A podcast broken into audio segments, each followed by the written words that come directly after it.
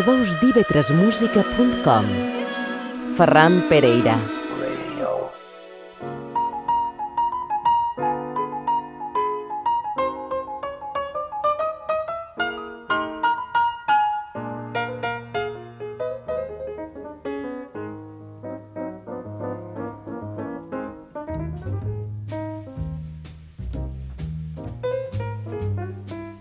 Oscar Peterson, American Folk Blues Festival i la nit del jazz i del negre espiritual.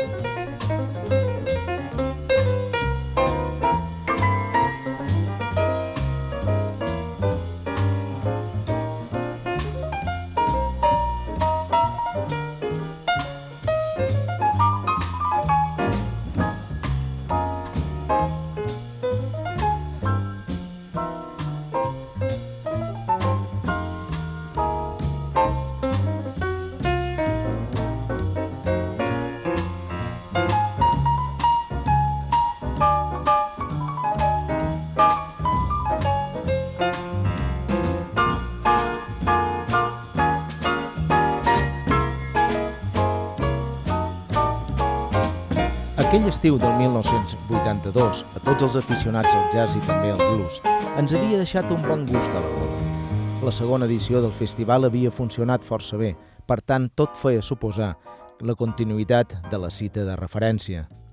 A més, aquell any havien començat amb l'extraordinària presència de Woody Show, Stan Getz saldant el deute amb el públic mallorquí i l'oportunitat de poder tornar a gaudir de la música de Lionel Hampton, encara ens depararia com a mínim tres cites rellevants circunscrites en el jazz, el blues i el negre espiritual. La primera la signaria el pianista canadenc Oscar Peterson, músic que de ben prest mostrava la seva gran influència per Nat King Cole, tant per la projecció del seu instrument com per la predilecció per al trio en contrabaix i guitarra, instrument aquest darrer que substituiria per la bateria el 1958, configuració en la que es presentava a Palma. Per a l'ocasió, el pianista s'acompanyaria del contrabaixista danès Nils Henning Nostre Pedersen, instrumentista d'una tècnica perfecta. Aleshores, un dels més reputats, el fet de que als 17 anys fos contractat per ocupar el lloc de contrabaixista de l'orquestra de Count Basie, ja és prou significatiu. I amb una polivalència tan rica com per acompanyar tant en Lee Konitz o Frank Foster com Albert Taylor i Anthony Braxton. I a les baquetes el britànic Martin Drew, bateria titular del prestigiós Ronnie Scott's Club de Londres.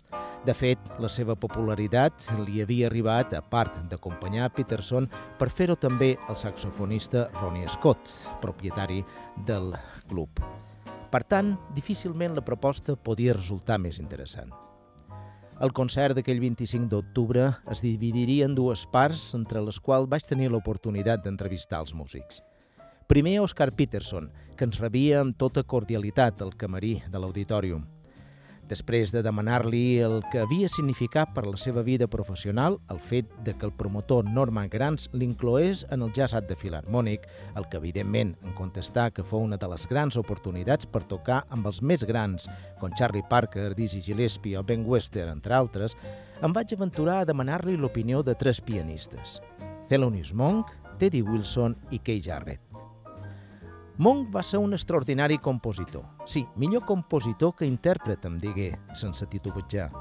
Wilson, un dels més grans del piano, sense dubte el que més m'ha influenciat. I Jarrett és un comediant.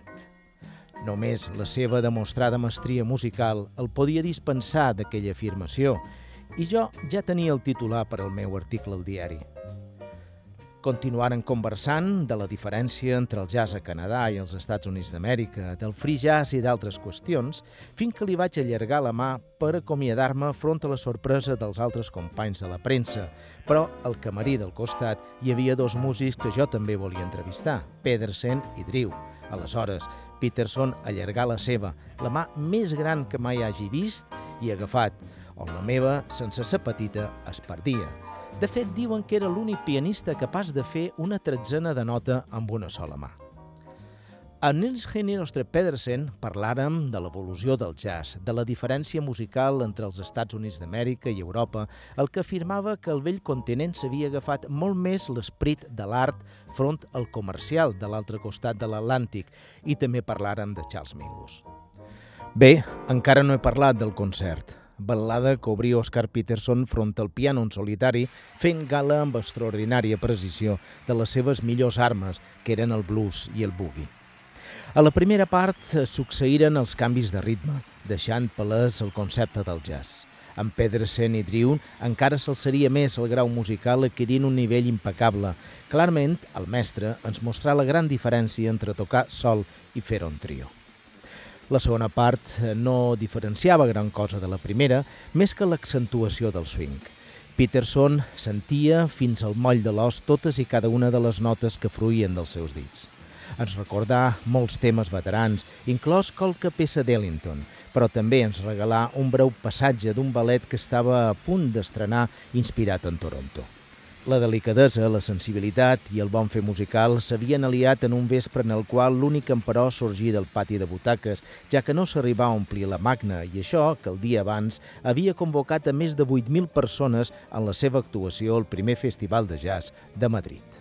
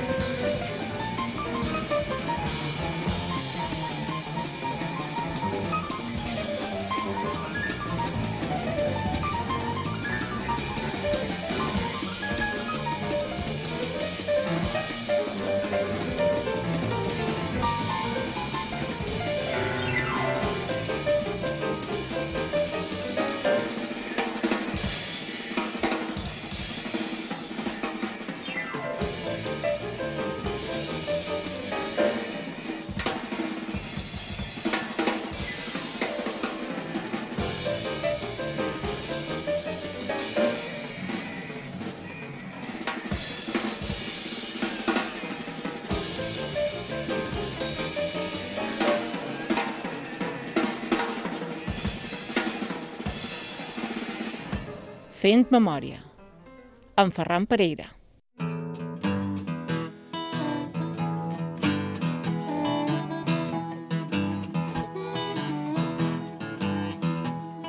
I woke up the other morning, thought I had a world and golden string, but my good girl drove and left me and took nearly everything I'm a man without a future. I'm a man without a past. I'm a man without a woman, and I'm going down real fast. She left me a broken watch and a radio that won't play. She left me a broken heart that don't seem to go away. I'm a man without a woman. I'm a man without a past. I'm a man without a woman, and I'm going down real fast. I called the psychic hotline to help me through the day. There, I remember I spend my paycheck and uh, I throw the stuff away.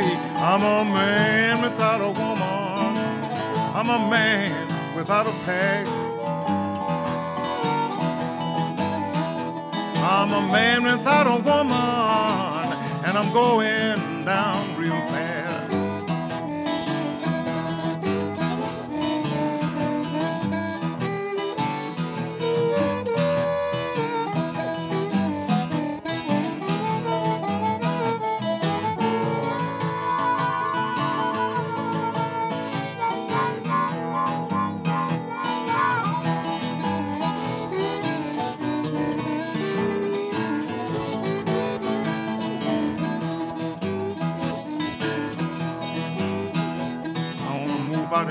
country, build a shack without walls. Put my radio on the table and hang my watch upon the wall. I'm a man without a woman. I'm a man without a past. Un mes just i ja teníem una altra cita. Aquesta, de dos dies, a la magna de l'Auditorium per a rebre el major esdeveniment de blues que recordéssim a la nostra comunitat. Ens assabentàvem que el American Folk Blues Festival, festival de música de blues itinerant per distints països d'Europa des de la seva creació el 1962 i que llevat d'un parèntesis de 8 anys entre els 72 i 80 anualment havia constituït una cita ineludible amb aquesta música, recalaria Palma. Així ens ho anunciava en roda de premsa a principis de novembre Lluís Rovira, home de confiança de Gai Mercader, conegut promotor musical del país, qui era que duia el festival a Espanya, i havia pensat en la nostra ciutat i concretament en la magna de l'Auditorium per les grans qualitats acústiques com única plaça del país. Es barrejaven noms com Jameson Thomas, Archie Edwards, Bowling Green John Sheffers, Kerry Bale, Margie Evans o formacions com a Chicago Young Blues i Blues Heart Meeting. El col·lectiu de músics arribaria a la nostra ciutat procedent d'Estocolm per cloure precisament aquí la gira d'aquell any. El cap de setmana del 27 i 28 de novembre, des de les butaques de la sala del Passeig Marítim i sense moure'ns, viatjàrem per als estats de Louisiana, Mississippi, Kansas o Illinois, recalant a ciutats com Sant Louis o Chicago, i seria gràcies a l'aportació sonora de tots aquells convidats. A la primera jornada, la del dissabte, i al llarg de tres hores, ens apropàrem al vessant més primitiu i rural, encara amb el regust del cant dels negres de les plantacions del gènere dels 12 compassos. Jameson Thomas va ser l'encarregat d'encetar una sessió governada per la senzillesa i la sinceritat del blues, allunyada de tota sofisticació. Archie Edwards, Blowing Green, John Sheffers i harmònica Phil Wivens i també l'harmonicista Cary Bell ens succeirien a la llarga jornada. L'endemà va ser el torn del City Blues, registre més arrelat a les ciutats. El Chicago Young Blues, Blues Heart Meeting i la cantant Margie Evans, qui s'havia presentat com la reina del blues de Chicago i en roda de premsa havia defensat el blues com a part intrínseca de la cultura negra, protagonitzarien la cloenda d'un festival tímidament recolzat pel escàs públic que acudí a la crida del blues genuïnament americà.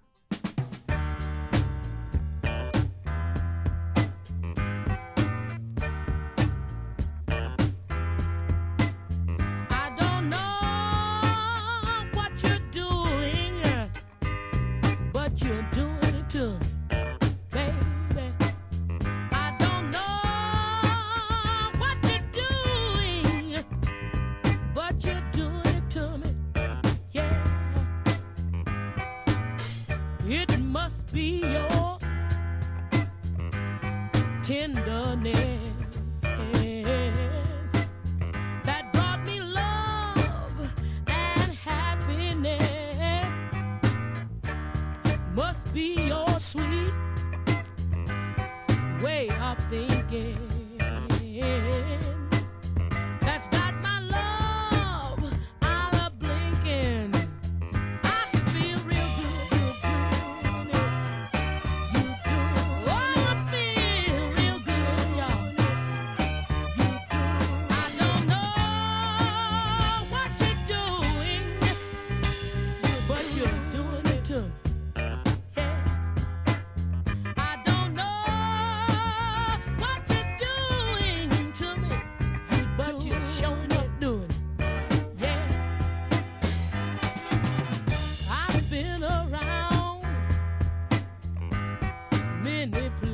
say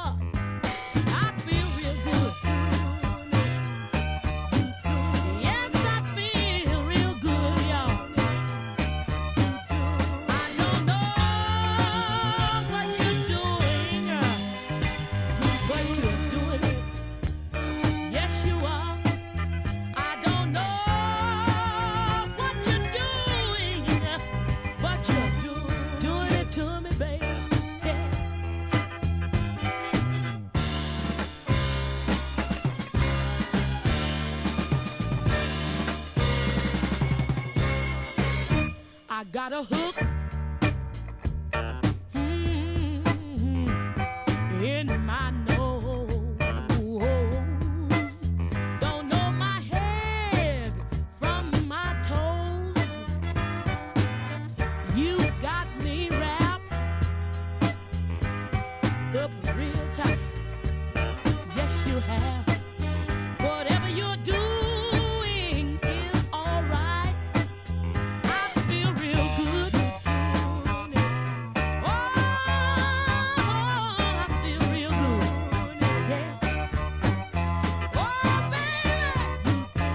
Fent memòria, amb Ferran Pereira.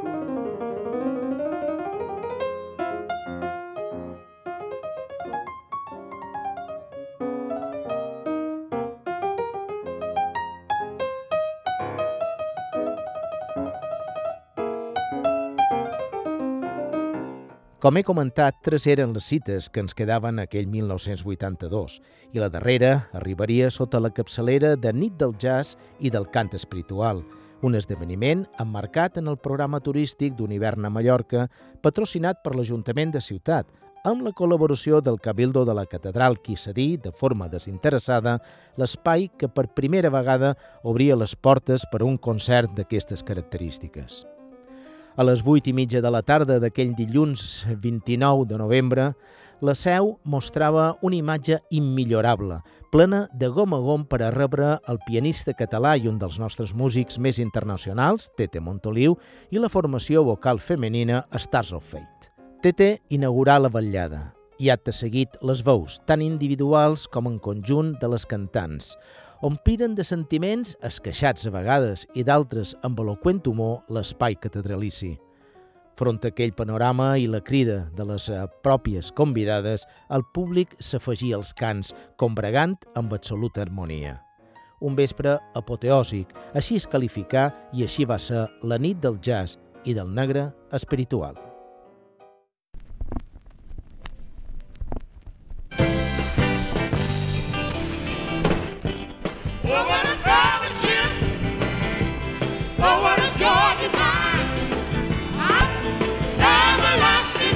Fem memòria, un jazz còlic.